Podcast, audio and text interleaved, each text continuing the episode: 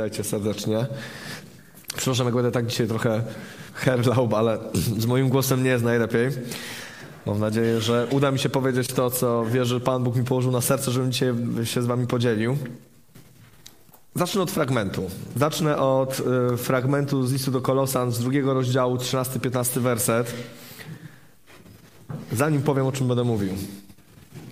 Was martwych z powodu upadków i nieobrzezanych we własnej cielesności razem z Nim ożywił, darując nam wszystkie upadki. On umorzył nasze długi, całą listę niespełnionych zobowiązań. Skończył z nimi, gdy przygwoździł je do krzyża. Na tym krzyżu rozbroił zwierzchności oraz władzę, publicznie je obnażył i powlókł w triumfalnym pochodzie. Ten fragment jest jednym z fragmentów, do którego bardzo często wracam, żeby sobie przypomnieć, w jakiej rzeczywistości żyję. W jakiej rzeczywistości żyję? Kiedy, kiedy widzę, co się dzieje wokół mnie, w moim życiu, to wracam do tego fragmentu i widzę, że to jest to, co Pan Bóg zrobił, że to jest to, co Jezus zrobił, to, co się wykonało. I, i ten fragment mnie niesamowicie buduje i przenosi przez wiele różnych problemów. A chciałem dzisiaj mówić o, o walce, którą toczymy, o duchowej walce, którą toczymy każdego dnia, o zmaganiu duchowym, które, które jest częścią naszego życia, przed którym nie możemy uciec, który jest, e, które po prostu jest częścią naszego chrześcijaństwa. I ja wiem, że temat jest złożony i ma wiele różnych wątków, ale chciałbym może dzisiaj, pewnie będziemy to kontynuować, zacząć od tych rzeczy najbardziej podstawowych, od tych najbardziej fundamentalnych. Bo ten fragment mówi nam o tym, jak ta walka się już tak naprawdę skończyła. Ten fragment nam mówi o tym, że Jezus umarł na krzyżu za nasze upadki, za nasze grzechy, przygwoździł je do krzyża, a co dalej za tym idzie, na tym krzyżu rozbroił zwierzchności oraz władzę i powiódł je w triumfalnym pochodzie. W cesarstwie rzymskim, jeżeli pokonywało się wroga, to zabierało się wszystkie łupy. Y, porywało się najbardziej dostojnych, najważniejszych ludzi w tym narodzie, króla czy jakichś tam innych zwierzchników, sprowadzało ich się do Rzymu i na oczach całej tej gawiedzi, całego tłumu, e, całego pospólstwa przez cały dzień wędrował orszak, który miał pokazywać, jak wielkie zostało odniesione zwycięstwo, którym pokazywali wszystkie łupy, w którym pokazywali tego króla zamkniętego w jakiejś klatce. Powiedzmy sobie szczerze, mało humanitarne to było, ale, ale tak Rzymianie triumfowali. Oni pokazywali, patrzcie, jak pokonaliśmy i zdeptaliśmy naszego wroga. Tutaj czytamy o tym, że na krzyżu Chrystus rozbroił zwierzchności i powiódł je w triumfalnym pochodzie. Rozbroił. Nie zniszczył, nie pokonał, nie unicestwił całkowicie, jeszcze nie, ale rozbroił. Obnażył i, i powlókł w triumfalnym pochodzie. Myślę, że kiedy myślimy o walce duchowej, kiedy w ogóle rozmawiamy o tym, że my toczymy bój duchowy, to musimy mieć zawsze w głowie ten werset, ten, ten fragment o tym, że zwycięstwo już się dokonało na krzyżu, że Chrystus zwyciężył, że Jezus pokonał grzech i śmierć i rozbroił diabła, rozbroił zwierzchności.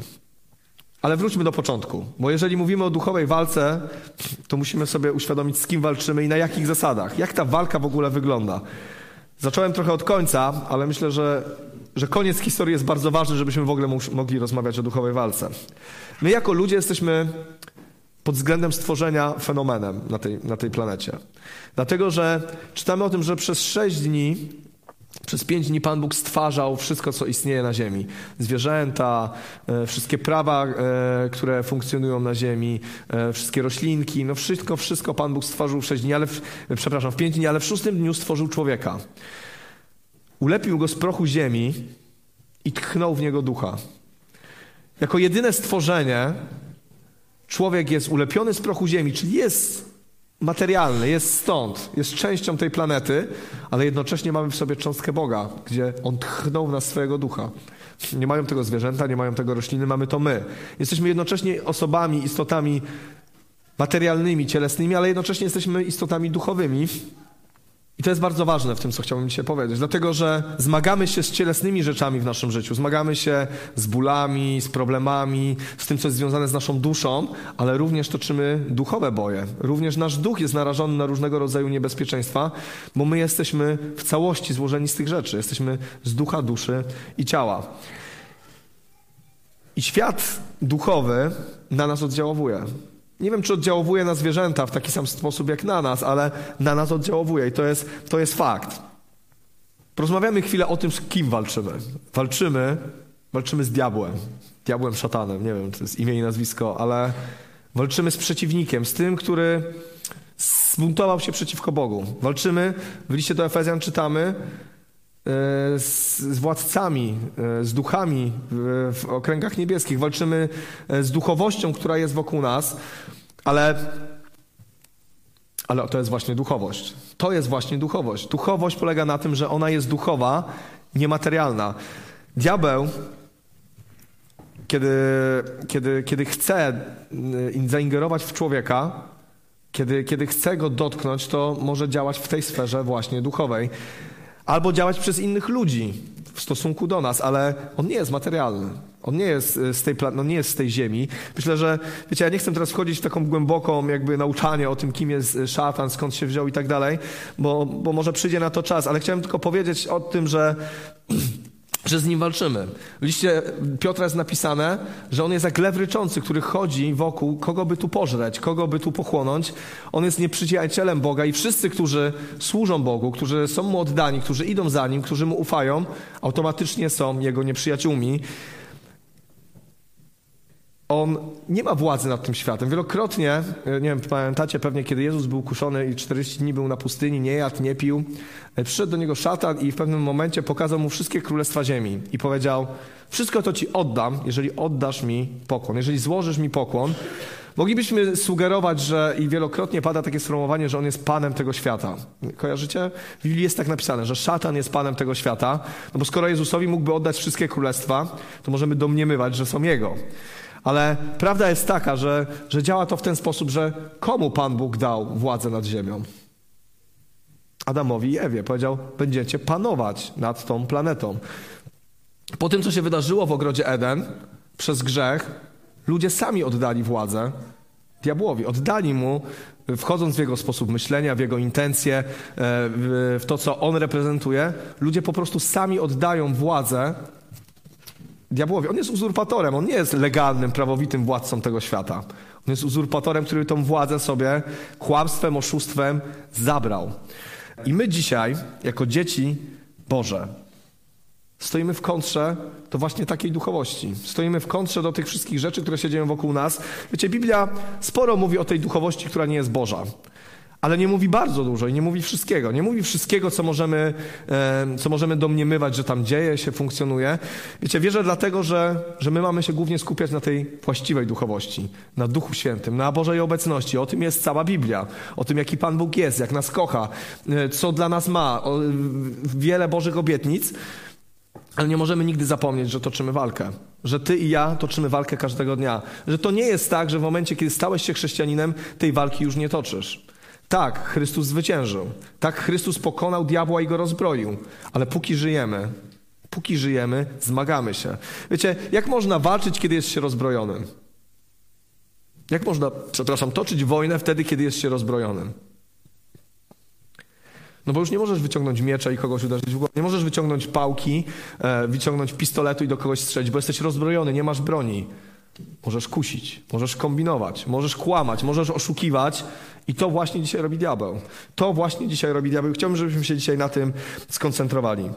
Kiedy, e, kiedy stajemy się dziećmi Bożymi, stajemy w opozycji to powiedzmy w cudzysłowie Boga tego świata. Stoimy w opozycji do sposobu myślenia, do diabelskiego sposobu myślenia, do, w stosunku do diabelskich wartości, które są w tym świecie. Stajemy w opozycji. Bo on nie, nienawidzi wszystkiego, co jest związanego z Bogiem, co jest związane ze światłością. On lubuje się w ciemności i chce, żeby ciemność była wszędzie. A czytamy o tym, że Jezus mówi: Wy jesteście światłością świata. Kiedy chrześcijanin, kiedy człowiek oddaje swoje życie Chrystusowi, kiedy wyznaje, że, jest on, że on jest jego Panem i Zbawicielem, kiedy wyznaje, że jest grzesznikiem i potrzebuje Zbawiciela, zapala się światło. Zapala się światło, którego diabeł nienawidzi.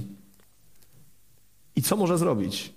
Co może zrobić wtedy? Nie zgasi, bo nie ma, nie ma siły, ale może sprawić, może namówić, może okłamać, żeby to światło zgasło, żeby przygasło, żeby było nieaktualne. Wiecie, kiedy ja czytam o tym, jak Chrystus pokonał grzech i śmierć, tak sobie myślę, że Boże standardy i standardy e, diabelskie są zupełnie inne.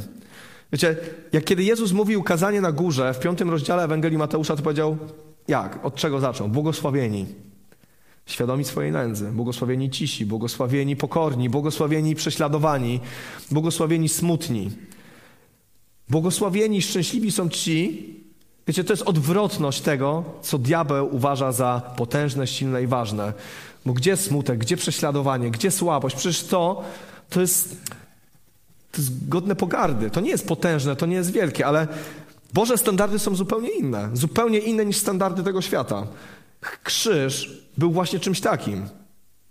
Nie wiem, nie wiem co, co się działo w tej sferze duchowej, kiedy Jezus umierał na krzyżu, ale mam wrażenie, że krzyż jako miejsce cierpienia, upodlenia, kary, hańby, wyśmiewania, myślę, że tam całe piekło się cieszyło. No Mesjasz zabity, super, udało się.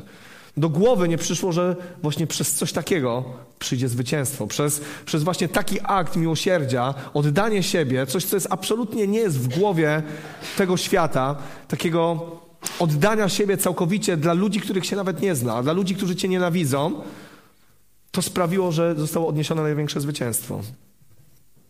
Ja bardzo często o tym mówię i, i, i tak to sobie wyobrażam, że, że my jako ludzie wierzący jesteśmy w Bożym ręku. Jesteśmy na Bożej dłoni. Jesteśmy tutaj.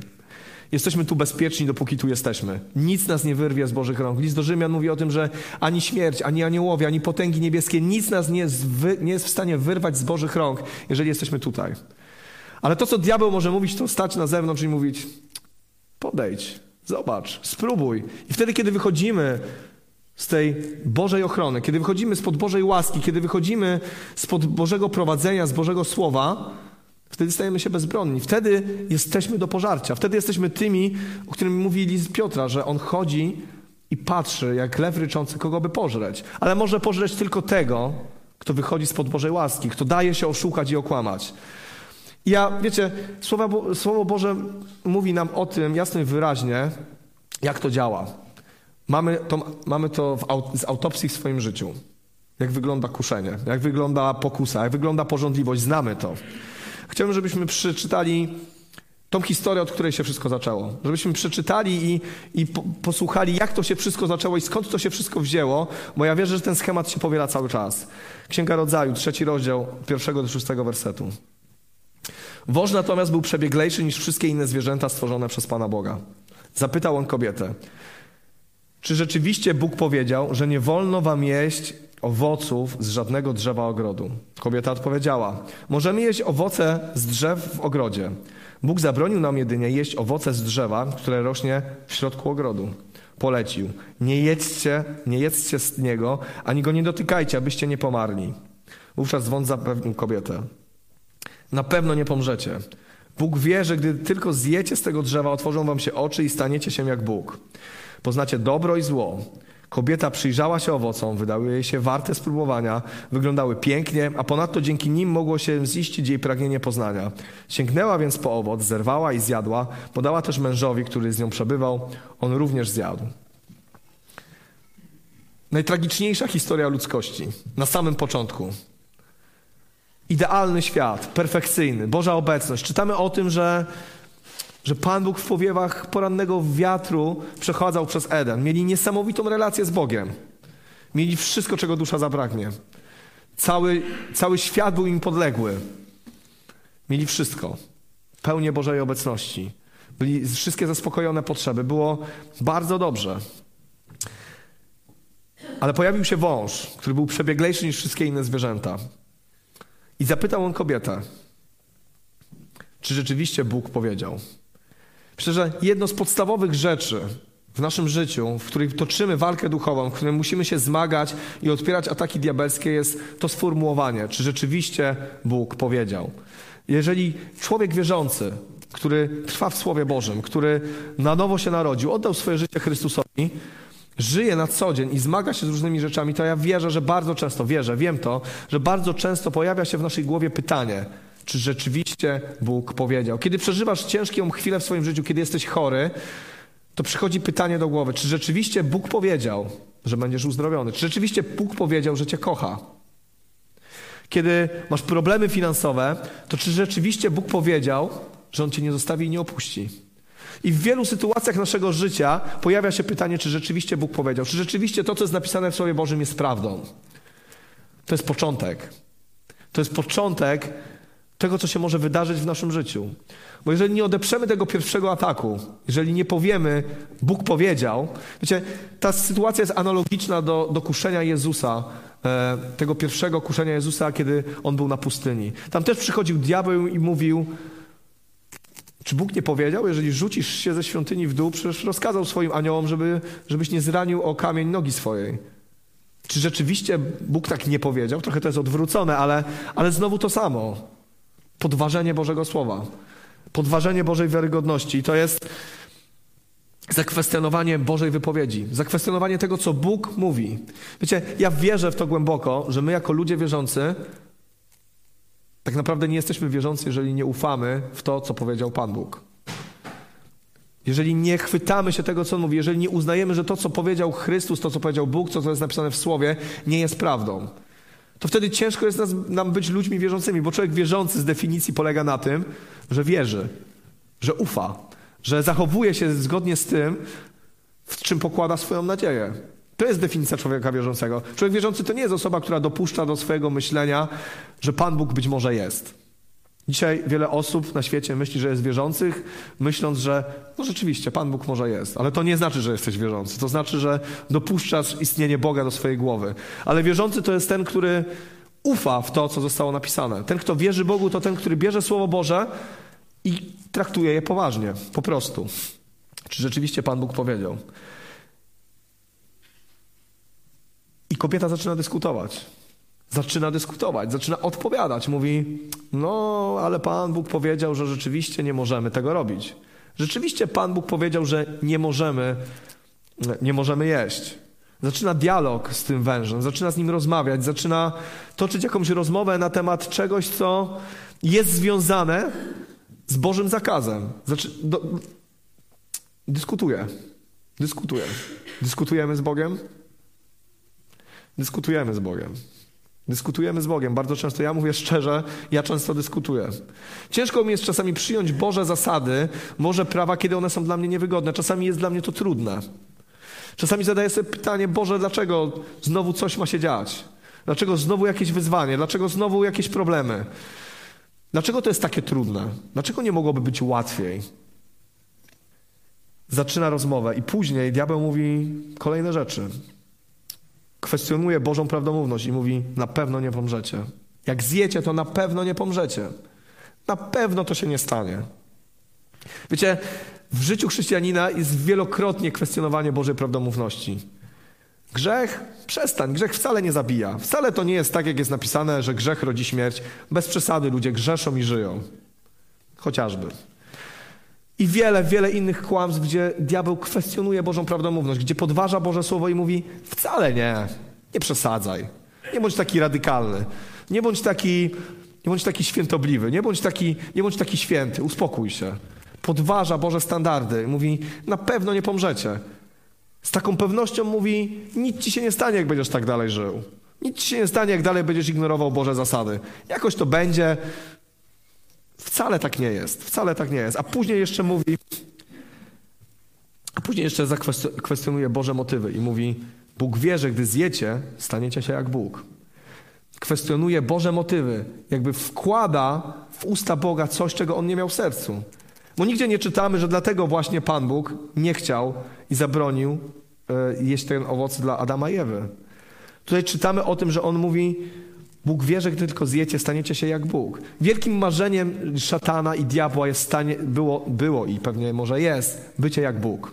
Dlatego został strącony, dlatego został zrzucony, dlatego został wygnany z, z nieba, dlatego że chciał stać się jak Bóg. To było jego pragnienie. I, I zasiał to w sercu Adama i Ewy zasiał to w ich sercu. Wiecie, mówię Adama i Ewy, bo Adam tam był cały czas, żeby nie było, że to tylko Ewa. On tam cały czas stał, tylko że on nawet nie miał odwagi się odezwać prawdopodobnie. Zakwestionowanie Bożych motywów. Że Pan Bóg wam czegoś zabrania, bo nie chce, żebyście byli szczęśliwi, bo nie chce, żebyście byli, żeby było dobrze w waszym życiu. No kto by nie chciał być jak Bóg? Pan Bóg wam tego zabrania. A w domyśle to znaczy, że on wcale nie jest taki dobry, no bo skoro zabrania wam dobrych rzeczy, no to to nie jest wcale taki dobry. Więc uspokójcie się, zjedzcie jabłko. Zróbcie to. Wcale to, co Pan Bóg mówi, nie jest takie, jak jest naprawdę. I wiecie, kiedy ja patrzę na tą historię, kiedy ja to widzę, to widzę nieustannie podobny schemat, który funkcjonuje w życiu wielu ludzi wierzących i w moim życiu. Podobny sposób podchodzenia do człowieka. Podobnie to się zaczyna. Biblia o tym mówi, że kiedy porządliwość pocznie, rodzi grzech, a kiedy grzech pocznie, rodzi śmierć. To jest proces. Odejście od Boga to jest proces. Odejście od Boga to nie jest e, obudzenie się rano i powiedzenie, to wszystko kłamstwo, odchodzę. Nie, to się dzieje powoli, stopniowo, kiedy to ziarno zostaje zasiane w naszym sercu, kiedy nie walczymy, kiedy nie dajemy odporu, to jest kwestią czasu, kiedy to wyrośnie i przyniesie zniszczenie w naszym życiu. Dlatego mówię dzisiaj o walce duchowej, dlatego że my zostaliśmy powołani do tego, żeby nie umierać, żeby nie ginąć, żeby nie popełniać tego samego błędu, jaki popełniła Ewa i Adam w Edenie. My nie zostaliśmy powołani do tego, żeby umrzeć, ale do tego, żeby zwyciężyć w Chrystusie. Zostaliśmy powołani do tego, żeby dać duchowy odpór, żeby nie dać się zwieść, nie dać się oszukać. To jest nasze powołanie. Ale te rzeczy będą się działy. Te rzeczy będą się działy. Dlaczego? Dlatego, że poszliśmy za Chrystusem. Dlatego, że światło w naszym życiu się zapaliło i ciemność jest rozpraszana przez światło. Dlatego diabeł zrobi wszystko, żeby ciebie zgasić i żeby zgasić mnie. Żeby sprawić, że podważymy Boże wypowiedzi. Żeby sprawić, że nie będziemy traktować tego, co Pan Bóg mówi poważnie, będziemy podważać prawdomówność i będziemy kwestionować Boże motywy. Chcę, żeby to się wydarzyło. A jak to się wydarzy, to już nieważne, jaki grzech ci wpadnie do ręki. Już nieważne, czy to będzie cudzołóstwo, kradzież, oszczerstwo, plotka. Nieważne. Ważne, że zakwestionowałeś Boga. Ważne, że odszedłeś od Niego. A teraz światło zgasło, można zająć się czymś innym. Wiecie, jest taka historia w Słowie Bożym. Może ona nie bezpośrednio łączy się bardzo mocno z taką walką duchową, ale ona mnie bardzo, bardzo dotyka. Czy ja wierzę, że to jest walka duchowa. To jest Ewangelia Łukasza, 22 rozdział, od 41 wersetu do 46. To jest moment, kiedy Jezus modlił się w Getsemane. To jest moment, kiedy Jezus był już w przed, nawet nie w przeddzień, w przeddzień swojej śmierci. Czytamy tak. Sam zaś odszedł od nich mniej więcej na odległość rzutu kamieniem. Upadł na kolana i modlił się. Ojcze, jeśli chcesz, oddal ode mnie ten kielich, jednak nie moja wola, ale Twoja niech się stanie. Wyobraźmy sobie tą sytuację. Jezus był w pełni Bogiem, ale był też w pełni człowiekiem. Czyli miał emocje. Miał emocje. Czuł to, co my czujemy. Czuł strach, lęk. Wiedział, co to znaczy ból fizyczny. To wszystko było jego udziałem. I czytamy o tym tak, że Jezus w momencie, kiedy wiedział, że za chwilę to wszystko się stanie, kiedy za chwilę po prostu będzie musiał wykonać Bożą wolę, a wiedział, jak ta Boża wola wygląda, bo do, wielokrotnie mówił, że do tego zostałem powołany. A kiedy, kiedy, kiedy pamiętacie tą chwilę, kiedy Piotr mówi, kiedy Jezus mówi, muszę iść do Jerozolimy, tam zostanę zabity, ukrzyżowany, e, odrzucony, to Piotr mówi, spokojnie Panie, nic się takiego nie stanie. I wtedy Pan Bóg mówi do, Jezus mówi do, do, do Piotra, odejdź ode mnie szatanie, bo nie myślisz o tym, co Boże, ale o tym, co ludzkie. Mówi do Piotra, odejdź ode mnie szatanie. Dlaczego? Dlatego, że Piotr jak, niejako zanegował najważniejszą rzecz w życiu Jezusa, wykonanie Jego misji, spełnienie Bożej woli. Zanegował jakby sens istnienia, sens przyjścia Jezusa na tą ziemię. W imię wygody, przyjemności e, jakiejś wizji, którą on miał w głowie. I czytamy o tym, że w przeddzień tego wszystkiego Jezus w ogrodzie Getsemane bierze Jana, Jakuba i Piotra ze sobą, każe im się modlić, pada na kolana i modli się Ojcze, jeżeli chcesz, oddal ode mnie ten kielich. Wiecie, dla mnie to jest sytuacja bardzo ludzka. Bardzo ludzka, kiedy człowiek wierzący wie, co Pan Bóg od niego chce. Kiedy człowiek wierzący jest świadomy, jakie Pan Bóg stawia przed nami rzeczy. Kiedy czytamy Boże Słowo i nie jesteśmy w stanie uciec od tego, żeby, żeby, żeby nie usłyszeć i nie wiedzieć, jaki Pan Bóg ma plan dla nas. Kiedy czytamy o tym, o świętym życiu, kiedy czytamy o odrzuceniu nieprawości, grzechu, o zmianie naszego myślenia, naszego charakteru, to czytamy te rzeczy i, i one nie są łatwe. Ja wiecie, nie chcę porównywać tego do krzyża, bo to jest dla nas abstrakcyjne, to co Jezus zrobił. To jest tak wielki objaw miłości, ale Jezus, wiedząc o tym, co go czeka, pada w swojej szczerości przed Bogiem i woła, modli się do Boga, przychodzi do Niego, jeżeli chcesz, to oddal, oddal ten kielich ode mnie. Jeżeli Ty chcesz tak zrobić, to, wiecie, ja w domyśle czytam, że jeżeli Ty chcesz to zabrać ode mnie, to ja z chęcią z tego skorzystam. To ja nie muszę tego robić. Bo to dla mnie jest ciężkie, bo to dla mnie jest trudne, bo ja wiem, że to będzie ból, cierpienie, że to będzie straszliwie bolesne. I duchowo, i fizycznie. I to jest modlitwa, myślę, bardzo często nasza. Panie Boże, jest to dla mnie za dużo. Tylko, że Jezus nie, nie, nie marudził i nie mówił, zabierz to ode mnie, ja tego nie chcę, tylko jeżeli to możliwe. Jeżeli Ty tego chcesz, to zabierz to ode mnie. A później powiedział tak, jednak nie moja wola, ale Twoja niech się stanie. Nie moja wola, ale Twoja niech się stanie. Wiecie, Jezus tak naprawdę tam w Getsemane, kiedy się modlił na kolanach, kiedy wołał, kiedy, kiedy wziął tych trzech swoich najbliższych uczniów, kiedy, kiedy był pewnie przerażony, to jego wojna toczyła się o to, Panie Boże, nie moja wola, ale Twoja. To była walka, którą Jezus toczył w swoim życiu. W tym momencie walka, którą stoczył w Getsemane. Nie moja wola, ale Twoja. Nie to, co ja chcę, nie to, czego ja pragnę, nie to, co jest moim marzeniem, ale to, co Ty chcesz, chociaż absolutnie mi się to nie podoba. Chociaż absolutnie jest to trudne, bolesne i boję się tego.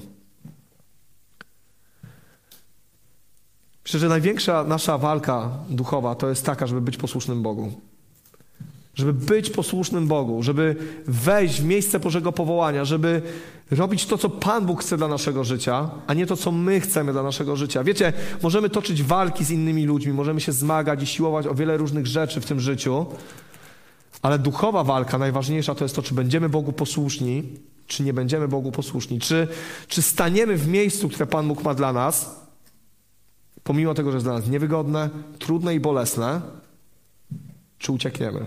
Czy się poddamy? Czy się poddamy? Bo wiecie, na końcu tego pytania, kiedy są trudne rzeczy, kiedy przychodzimy, kiedy trudne wyzwanie przed nami stoi, to jest ta kwestia wiary i to, co diabeł powiedział w Edenie. Wtedy przychodzi pytanie, czy na pewno Pan Bóg powiedział, że będzie z Tobą? Czy na pewno Pan Bóg Ci obiecał, że Cię przez to przeprowadzi? Czy na pewno On Cię tak kocha, skoro takie rzeczy dzieją się w Twoim życiu? Czy On na pewno Cię tak kocha, skoro wyznacza Ci takie trudne rzeczy do robienia? Czy na pewno On Ciebie tak bardzo kocha? I to jest ta walka, kiedy stoimy przed tym, co Pan Bóg ma dla nas, przed Jego standardami, przed tym, co On, do czego nas wzywa, a, a tak naprawdę naszą niewiarą, naszą trwogą, naszą, naszą bojaźnią, że Pan Bóg nas przez to nie przeprowadzi. To jest bardzo ciężkie. Kiedy ja czytam tą historię, to naprawdę jakby moje serce jest bardzo poruszone, dlatego że Jezus, będąc Bogiem, toczył wielki bój. A później czytamy tak. Wtedy ukazał mu się anioł z nieba i dodawał mu sił. A on w swoim zmaganiu tym usilniej się modlił i jego pot był jak krople krwi spadające na ziemię.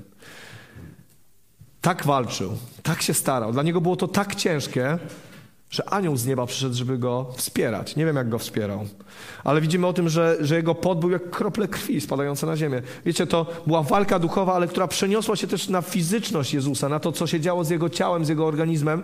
On naprawdę się zmagał. To nie była kwestia, że sobie usiadł na kamieniu, pomyślał chwilę, powiedział, dobra, idę. Naprawdę się zmagał, bo to było bardzo ciężkie, bardzo trudne. Anioł z nieba przyszedł, żeby go wesprzeć. Anioł z nieba przyszedł, żeby dodać mu sił żeby być z nim. Jego uczniowie zasnęli. Jego uczniowie zasnęli, ale widzę to w bardzo prosty sposób. W tym, w tym akurat fragmencie widzę to w bardzo prosty sposób. Kiedy jak Jezus walczył? Modlił się, oddalił się, był gdzieś na osobności, znalazł miejsce ustronne i po prostu wołał do Ojca.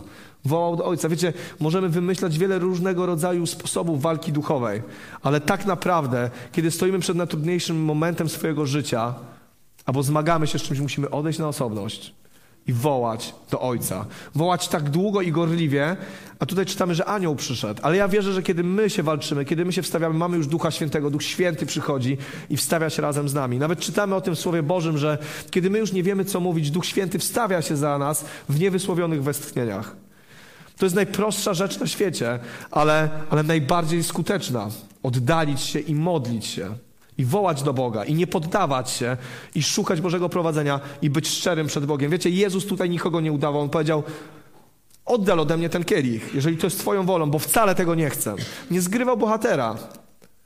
Znał swoje słabości, wiedział, co go czeka, ale jednocześnie powiedział: Twoja wola, ale nie moja. Wiecie, to przeświadczenie chrześcijanin powinien mieć w głowie, jaka jest Boża wola dla Twojego życia.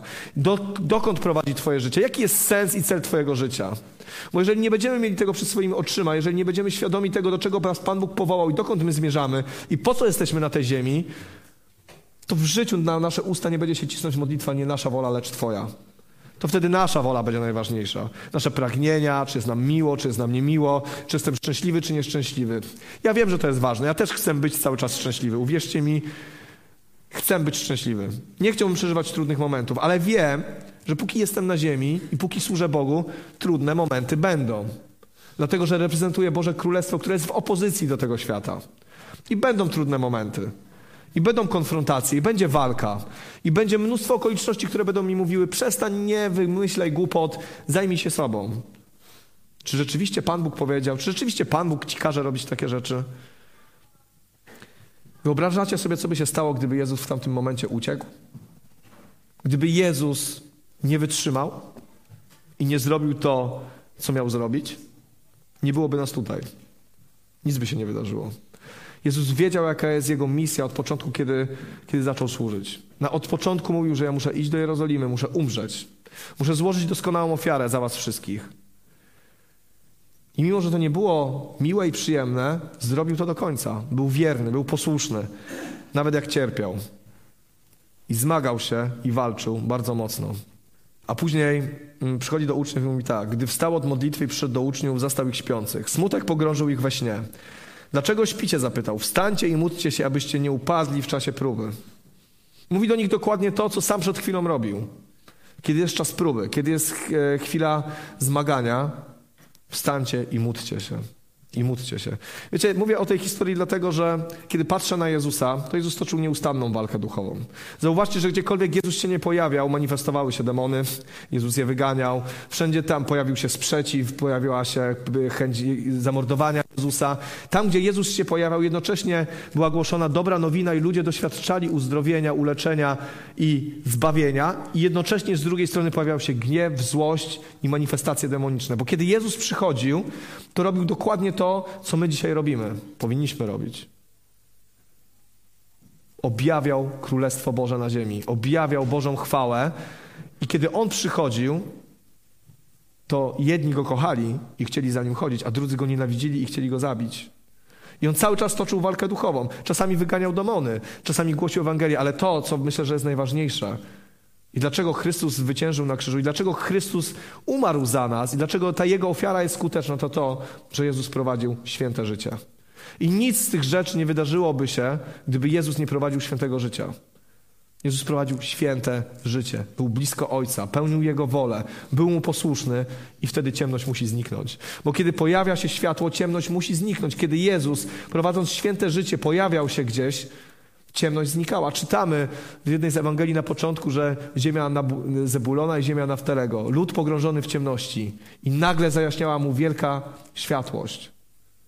Jezus, zajaśniała wielka światłość.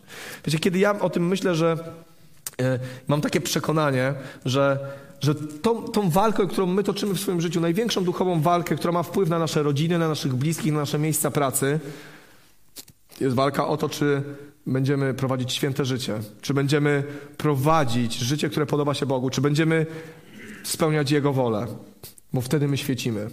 Bo wtedy my świecimy i wtedy ciemność musi uciec. Wiecie, ja nie chcę teraz mówić o, o rzeczach, które są dalej, o, o, o, o jakimś wyganianiu demonów i tak dalej. To wszystko jest prawda, to wszystko się dzieje. Ale tą podstawową jednostką w naszej walce duchowej jest nasza świętość, nasze przygnięcie do Boga. Jest walka o to, żeby nie dać się zwieść i sprowadzić na manowce, tak jak Adam i Ewa w raju. Żeby nie dać się oszukać. Żeby nie dać sobie wmówić, czy Pan Bóg powiedział, albo na pewno tak się nie dzieje. Bo tak naprawdę walka toczy się o to, nie tylko żebyśmy my byli zbawieni. To jest ważne. Ale wiecie, ale Jezus powiedział, wy jesteście światłością świata. Wy jesteście światłością świata. My reprezentujemy Chrystusa na ziemi. My pokazujemy, że to wszystko, co mówimy, jest nie tylko ładną opowieścią, lepiej lub gorzej opowiedzianą, ładniej lub gorzej zaśpiewaną, ale to, co my mówimy, jest prawdą. A ta prawda objawia się w naszym życiu. Ta prawda ma potwierdzenie w Twoim postępowaniu, w moim postępowaniu, bo my świecimy, bo my jesteśmy dla tego świata, który jest w ciemności, który jest pod władzą diabła, pod, pod wpływem jego standardów, jego myślenia, pełen egoizmu, pełen walki o swoje, pieniędzy, chciwości. My jesteśmy, my powinniśmy być światłością tego świata. To jest nasze powołanie. Wiecie, nie ma nic. Jezus nawet to powiedział. Wy jesteście solą ziemi, ale jeżeli sól zwietrzeje, jak odzyskać jej smak? Chrześcijanin, który nie świeci, jest dezaktywowany, jest zwycięstwem diabła. Bo co prawda może on jakoś tam się do tego nieba jeszcze wśliźnie, nie wiem, Pan Bóg będzie osądzał, ale, ale nie świeci. Inni nie mogą zobaczyć, inni nie mogą się ogrzać, inni nie mogą doświadczyć Bożej miłości. Inni nie mog mogą nie zostać uwolnieni, dlatego że nic nie świeci, ciągle jest ciemno. Zderzamy się w ciemności. Ale tu jest napisane, że on po to przyszedł, żebyśmy mieli życie. I to życie w obfitości. I żebyśmy my to pokazywali, jaki Pan Bóg jest. Bo wiecie, łatwo pokazywać, że Pan Bóg jest dobry, kiedy wszystko jest dobrze. Moglibyśmy powiedzieć, że wszyscy milionerzy mają wspaniałe życie, bo pozornie jest im dobrze. Ale to, co Pan Bóg daje, to poczucie, pokoju, miłości, spełnienia, brak e, strachu o przyszłość. Te wszystkie rzeczy, które są w Chrystusie, które może doświadczać człowiek wierzący, który nie tylko z pozoru jest szczęśliwy, ale w głębi swojego serca ma wielki pokój, to dotyka ludzkich serc. To, to wzbudza tęsknotę za czymś takim, to wzbudza tęsknotę, też chcę tak żyć, też chcę mieć ten pokój. Mimo tego, że ta osoba cierpi, ma problemy takie, śmakie i owakie, ma pokój w sercu. Jest Bożym dzieckiem. Też tego chcę, też tego pragnę, też tego potrzebuję. To jest nasze powołanie. Wiecie, diabeł dzisiaj będzie robił wszystko na poziomie indywidualnym, moim i Twoim, naszego życia, żeby nas zgasić. Żeby podkopać wiarygodność Bożego Słowa. Żeby powiedzieć, nie przesadzaj. Żeby powiedzieć, daj spokój. Żeby powiedzieć, przestań się tak spinać. Żeby przekręcać Boże obietnice. Żeby je podważać. Żeby zasiać w nas niewiarę i powoli, powoli spychać nas, gasić światło, skręcać. Kiedyś były takie lampki, że e, tak się, jak się mocniej przekręciło, to mocniej świeciło, jak się skręcało, to mniej. Nie takie na pstryczek. Tak chce to robić, jest sprytny. Jest sprytny. Czytajmy jeszcze jedną rzecz. List do Efezjan, szósty rozdział, od 11 do 18. Włóżcie na siebie pełną zbroję Bożą, byście umieli sobie radzić z podstępami diabła. Nasza walka bowiem nie toczy się przeciwko krwi i ciału. Walczymy ze zwierzchnościami, z władzami, z zarządcami ogarniającej świat ciemności, z niegodziwymi zakusami duchowych sił na wysokościach nieba. Właśnie dlatego przywdziejcie pełną zbroję Bożą. Musicie wiedzieć, jak stawić opór w krytycznej chwili i jak wyjść z potyczek zwycięsko. Stańcie zatem z pasem prawdy na biodrach, w pancerzu sprawiedliwości na piersiach, obuci w gotowość do głoszenia dobrej nowiny o pokoju. Zawsze wznoście tarczę wiary, dzięki niej ugasicie każdy rozżarzony pocisk złego. Załóżcie też hełm zbawienia i weźcie do ręki miecz ducha, którym jest słowo Boga. W każdej modlitwie, gdy tylko zanosicie prośby, módlcie się w duchu, bez względu na porę. W tym celu czuwajcie z całą wytrwałością i wstawiajcie się za wszystkimi świętymi. Mamy ten przywilej, że walcząc w tej walce duchowej nie musimy sobie sami zbierać ekwipunku, że nie jesteśmy zdani sami na siebie, że nie musisz sobie wystrugać dzidy, nie wiem, zaostrzyć miecza albo kupić gdzieś. Mamy ekwipunek z nieba. Bo Słowo Boże mówi o tym, żebyśmy założyli zbroję Bożą po co? Żeby radzić sobie z podstępami diabła, z podstępami, żebyśmy byli przygotowani, a później mówi, że przywdziejcie całą zbroję Bożą dla, po co? Abyście mogli stawić opór, stawić opór, czyli świadome stawienie oporu, świadoma decyzja, że ja się na to nie zgadzam, ja nie dopuszczam takich myśli do siebie, ja stoję w Bożym Słowie, stawienie oporu i ostać się w krytycznej chwili i wyjść z potyczki zwycięsko. Wyjść z potyczki zwycięsko, powiedzieć wierzę Bogu i zobaczyć Boże zwycięstwo, które zostało odniesione na krzyżu. Zbroja Boża została nam dana po to, żebyśmy ją przywdziewali. Ja już wielokrotnie to mówiłem, ale tak, e, tak dla przypomnienia, taka zbroja nie jest lekka. To nie jest taki e, przyjemny dresik, w którym siedzimy w domu i coś tam oglądamy. Zbroja ważyła mnóstwo kilogramów, była niewygodna, wbijała się w ciało, tutaj cię coś piło, tutaj niewygodnie się zginało ręce, miecz nie był lekki, tarcza nie była lekka, trzeba było się nadźwigać. Ale jak wojownik tego nie miał, to ginął od razu. Po prostu. Pstryk i go nie było. W pierwszej linii, jak kogoś postawiłeś bez zbroi, chwila, moment i go nie było. Bo zbroja Boża nie jest po to, żeby nam było wygodnie, ale żebyśmy mogli przetrwać, żebyśmy się mogli ostać, żebyśmy mogli walczyć. I zauważcie te wszystkie rzeczy, które są tu wymienione. Prawda, sprawiedliwość, gotowość do ogłoszenia dobrej nowiny, e, wiara, Słowo Boże, zb, e, hełm zbawienia, miecz ducha. Zauważcie, że to nie są rzeczy, które Wiecie, jak w takich bajkach dla dzieci, że tam wstajemy rano i mówimy, o, miecz ducha i miecz ducha się pojawia w ręku. To nie o to chodzi. To jest jakby pewna metafora, którą Paweł tutaj przed nami roztacza, ale zauważcie, że te wszystkie rzeczy, one są, mm, że tak powiem, konstans. One nie są chwilowe. To nie jest chwilowy strzał sprawiedliwości.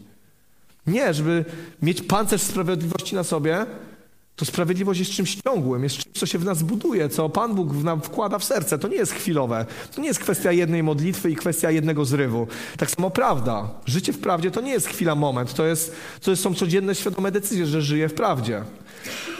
Wiara, wiara się buduje, wiara rośnie.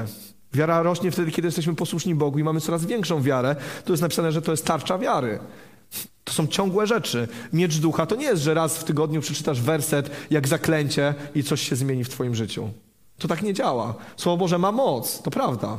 Ale Słowo Boże jest po to, żebyśmy nim walczyli, żebyśmy nim żyli, żeby ono było częścią naszego życia. Kiedy widzę zbroję Bożą, to widzę jakąś ciągłość, jakąś codzienność, jakąś rutynę, do której zachęca nas Paweł. Rutynę, życia w Bożych standardach ze świadomością, że toczymy duchowy bój. Że czekają na nas zasadzki, że, że, że, że na nas po prostu różnego rodzaju trudności i bądźmy świadomi, że to będzie. I Paweł nas zachęca, potraktujcie to poważnie, ubierajcie to na siebie, żyjcie w ten sposób, miejcie takie standardy, żebyście się mogli ostać. Żebyście się mogli ostać.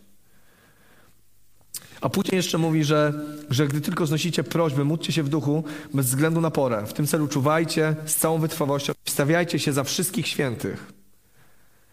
I raz, to jest walka, którą ty toczysz sam w swoim życiu, kiedy, kiedy gasisz te pociski złego, kiedy gasisz te diabelskie oskarżenia w swoim życiu, kiedy, kiedy nie wierzysz w to podważanie Bożego Słowa, to jest twoja walka indywidualna. Tu jest napisane, wstawiajcie się za wszystkich świętych. Walcie, walczcie jedni za drugich. Kiedy Paweł pisał o, tych, o, tym, o tym żołnierzu, to w tamtych czasach nie walczyło się indywidualnie. Stali w szyku, jeden obok drugiego. Walczyli razem. Trzeba było polegać na osobie obok siebie. Trzeba było ją trzymać mocno. Kiedy ona miała problemy, trzeba było ją ratować, bo cały szyk mógł się zawalić, wtedy cała armia mogła przegrać. To było bardzo odpowiedzialne. Tu jest napisane: stawiajcie się za wszystkich świętych, walczcie o siebie nawzajem. Także to jest ważne. Wiecie, bym się dobrze wysłowił. Gdzie ginie najwięcej chrześcijan? Czy w widowiskowych walkach, czy w swojej codzienności? Gdzie upadają chrześcijanie? Gdzie ponoszą porażki? Często w rodzinach, w relacjach ze współmałżonkiem, e, grzesząc, e, mając jakieś dziwne problemy finansowe, różne, różne rzeczy, ale w naszej codzienności. Gdzie diabeł być może będzie chciał nas atakować na nabożeństwach. Nie mówię, że nie, ale to nie jest najlepsze miejsce. To nie jest najlepsze miejsce, bo tutaj jesteśmy skupieni na Bogu, ale jeżeli na co dzień nie, te, nie, nie, nie, nie jesteśmy świadomi duchowej walki, nie, nie żyjemy w tych Bożych standardach, z prawdą, ze sprawiedliwością, z wiarą, z, ze Słowem Bożym w naszym ręku, w naszych ustach, to właśnie tam będą ataki. To właśnie w takim momencie będą problemy. Właśnie w naszej codzienności. Kiedy przyjdziesz na nabożeństwo, możesz się zbudować, pokrzepić, nabrać energii, nabrać chęci, przywitać się z braćmi i siostrami z kościoła Możesz to zrobić, ale i tak wrócisz do swojego życia. I tam będziesz musiał toczyć wojny. Być może ze swoim małżonkiem, razem wspólnie będziecie stali, ale jakże ważne jest to, żeby modlić się za wszystkich świętych, żeby wstawiać się za sobą nawzajem, żeby mieć relacje w kościele, żeby mieć relacje nie na zasadzie, co u ciebie słychać, ale czy mógłbyś się o mnie pomodlić, bo mam problem, bo walczę, bo, bo, bo, bo się zmagam. Zaufać komuś i powiedzieć, że toczysz właśnie teraz bój, żeby ktoś się za tobą wstawiał. Czy masz takie relacje? Czy masz takie relacje w kościele? My tu się w poniedziałki spotykamy i modlimy o różne nasze sprawy, o różnych ludzi. I wiecie, to jest bardzo błogosławiony czas. Kiedy możemy stanąć jeden za drugim w modlitwie, za ludźmi, których często nie znamy, ale walczyć wspólnie, razem wspólnie walczyć. Wiecie, święte życie. Chcesz zwyciężać? Chcesz zwyciężać w swoim życiu? To musimy to potraktować poważnie. Diabeł nienawidzi świętego życia. Ucieka od niego tego święconej wody, nie wiem. Ucieka, nienawidzi, po prostu nienawidzi. Nie jest w stanie się ostać wtedy, kiedy jest Boża obecność, kiedy są Boże standardy, kiedy jest Duch Święty. On nie ma, on musi uciec. Musi uciec. Dlatego, że to nie jest walka równych przeciwników. To nie jest walka Boga z diabłem, to nie są równi przeciwnicy. Bóg jest Bogiem, a diabeł został pokonany, został zrzucony z nieba i później jego dzieła zostały zniweczone przez Jezusa na krzyżu. Takie są fakty, w których my funkcjonujemy. Dzisiaj może nas oszukiwać i okłamywać. Robi, I zrobi wszystko, żeby nas oderwać od Bożej łaski, ale my mamy zwycięstwo w Chrystusie. Nie dajmy sobie tego wykraść, nie dajmy się oszukać. Wiecie, on ciebie nie wyrwie na siłę, ale nie daj się oszukać, nie daj się zwieść. Jedyne, kto może nas oddzielić od Bożej miłości, jesteśmy my sami i nasze decyzje, i nasze nieroztropne postępowanie. Bo wiecie, nie jest trudno zwieść chrześcijanina, jeżeli żyje bez Boga, jeżeli żyje bez sprawiedliwości, prawdy, bez wiary, bez Słowa Bożego, to naprawdę nie jest problem. To nie jest żaden problem. Ale kiedy żyjemy w Bożych standardach, kiedy jesteśmy w Nim mocno ugruntowani, kiedy traktujemy Jego Słowo poważnie i kiedy pełnimy Jego wolę w naszym życiu, nie swoją, oj, wtedy ciężko. Wtedy ciężko, bo Jezus powiedział: Naśladujcie mnie. Naśladujcie mnie te, tak, jak Jezus odpowiadał na pokuszenie. Naśladujmy Chrystusa tak, jak On się modlił w Getsemane. Naśladujmy Chrystusa tak, jak w tym, co On zrobił na krzyżu. Naśladujmy Chrystusa w ten sposób. To, co czasami jest słabością w tym świecie, to prawda. Czym świat gardzi, to właśnie wybrał Pan Bóg, żeby objawić swoją chwałę. To jest niesamowite. I wiecie, my będziemy w opozycji do tego świata, do sposobu myślenia tego świata, do wartości tego świata. Jako chrześcijanin będziesz się z tym zmagał, będziemy się z tym zmagali. Kiedy będziemy musieli podejmować decyzję, czy chcemy się podobać innym, czy chcemy się podobać Bogu. Czy ufam to, w to, co Pan Bóg mówi? Czy ufam w prognozy ekonomiczne? Czy ufam e, to, co Pan Bóg mówi na dany temat? Czy zaczerpuję opinii innych ludzi? To jest bardzo ważne. To jest bardzo ważne, dlatego że Słowo Boże mówi nam o tym, że przeczytajmy jeszcze jeden werset, drugi do Koryntian 10, 3, 4. Bo chociaż żyjemy w ciele, nie walczymy według ciała. Narzędzia naszej walki nie są cielesne, a jednak za sprawą Boga mają moc burzenia warowni. Nimi też burzymy wrogie zamiary. Nie walczymy w sposób cielesny. Nie walczymy metodami tego świata. Nie kłócimy się tak, jak świat się kłóci. Nie, nie krzyczymy tak, jak świat krzyczy. Nie, nie, nie działamy podstępem, nie działamy e, manipulacją i kłamstwem. To nie są metody Boże. Bo chociaż żyjemy w ciele, nie walczymy według ciała. Jak walczymy? Sprawiedliwością, prawdą, wiarą, miłością, pokorą, wstrzemięźliwością, owocami Ducha Świętego. To są standardy, to są narzędzia walki, które Pan Bóg nam daje. A co tutaj jest napisane? A jednak za sprawą Boga te rzeczy mają moc burzenia warowni. Nimi też burzymy wrogie zamiary. Chrystus przez śmierć na krzyżu, przez słabość, cierpienie, odrzucenie, hańbę pokonał grzech i śmierć. Złożył doskonałą ofiarę, zwyciężył. Tak jak czytaliśmy na początku, powiódł w triumfalnym pochodzie i rozbroił wszelkie zwierzchności na niebie. Odniósł zwycięstwo przez słabość dla tego świata. Przez słabość dla tego świata. Wiecie, to były czasy Imperium Rzymskiego, gdzie ważna była siła, potęga, e, silne uderzenie, wpływy, prawo, pieniądze. To było ważne. Wtedy i dzisiaj też to jest ważne. Ale jednak Pan Bóg wybiera zupełnie inne metody. Sprawiedliwość, prawda, wiara, miecz Ducha Świętego. To są narzędzia naszej walki, ale za sprawą Boga mają moc burzenia warowni. I tego powinniśmy się uchwycić. Ja wiem, że bywają trudne momenty w naszym życiu i musimy w tych trudnych momentach stanąć w Bożym Słowie. Musimy odgonić te diabelskie pokuszenia. Tak jak Jezus powiedzieć, ale napisano, ale Pan Bóg tak mówi, ja w to wierzę, taki koniec.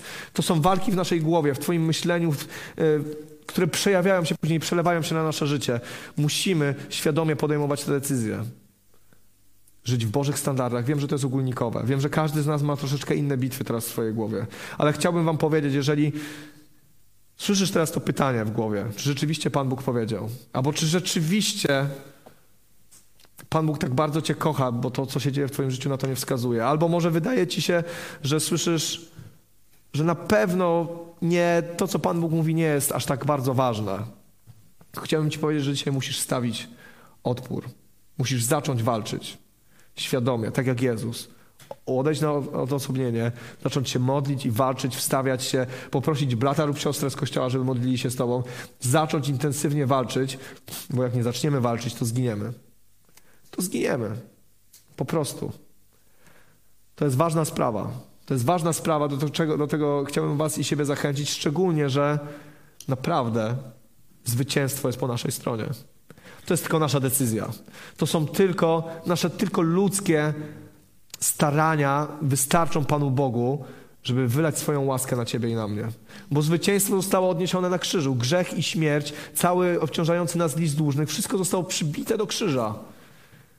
Chwała Bogu. Jesteśmy zwycięzcami w Chrystusie. Nie dajmy się zwieść, nie dajmy się wyprowadzić w pole. Bądźmy świadomi, że kiedy jutro rano wstaniesz, to będziesz toczył walkę. Kiedy wrócisz teraz do domu, do swojej rodziny, będziesz toczyć walkę duchową.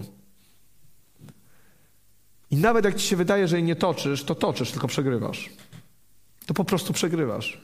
Jeżeli nie dajesz odporu, jeżeli nie stajesz w poprzek tym wszystkim rzeczom, jeżeli nie stoisz na Słowie Bożym, jeżeli nie walczysz Bożymi standardami, to kwestią czasu jest powolny upadek, a później, a później pokonanie. Dlatego, że to się dzieje w naszym życiu każdego dnia. Mamy siebie nawzajem po to, żeby się do tego wspierać, żeby się wzmacniać, żeby, żeby walczyć jeden za drugiego, żeby dodawać sobie siły. Niektóre bitwy musimy stoczyć w samotności, to prawda, ale w niektórych możemy walczyć razem. Dlatego chciałem nas dzisiaj do tego zachęcić. Zaśpiewamy jeszcze jedną pieśń, zapraszam grupę, żebyśmy się pomodlili. Jeżeli jesteś dzisiaj w miejscu, w którym, w którym jest ci trudno, w którym... Yy, w którym walczysz, ale, ale upadasz, albo w którym wiesz, że w ogóle nie walczysz, a powinieneś zacząć walczyć to chcemy się dzisiaj modlić. To możesz się zawołać do Pana Boga i wierzę, że Duch Święty może dzisiaj stąpić na Ciebie i wzbudzić w Tobie takiego, takiego ducha walki, takiego, takiego nie, takiej niezgody na to, co jest teraz i stanięcie w, Bożym, w Bożych standardach, żeby, żeby odnieść zwycięstwo, które jest w Chrystusie. Zapraszam, powstańmy. Panie Boże, teraz stoimy przed Tobą. Dziękujemy Ci za to, że Ty na krzyżu, Panie, odniosłeś największe zwycięstwo. Dziękujemy Ci za to, że my dzisiaj możemy w tym trwać. Ja Ci dziękuję za to, że moje grzechy i moje winy, Panie, zostały przybite, zostały przybite na krzyżu, Panie, bo Ty zwyciężyłeś, Panie. Dziękuję Ci za to, że jesteśmy bezpieczni w Twoich rękach, Panie. Ale tak proszę Cię teraz o każdego brata, o każdą siostrę, o każdą osobę, która jest na tym miejscu, Panie która toczy teraz, Panie, ten bój, która może nawet go przegrywa, Panie. W imieniu Jezusa Chrystusa proszę Cię o to, Panie, bo Ty jesteś Bogiem, który daje szansę, Panie, który pomaga, który wzmacnia, Boże. I ja w imieniu Jezusa Chrystusa proszę Cię o to, Panie, żebyś teraz, Panie, dotknął każdej osoby, Panie, która, która toczy tą bitwę, Panie, która może już jest na łopatkach, Panie, która może widzi miecz nad sobą, Panie, ale proszę Cię w imieniu Jezusa Chrystusa, Panie, niech teraz przyjdzie Twój Duch Święty, Panie, przyjdzie teraz Twoje światło, Panie.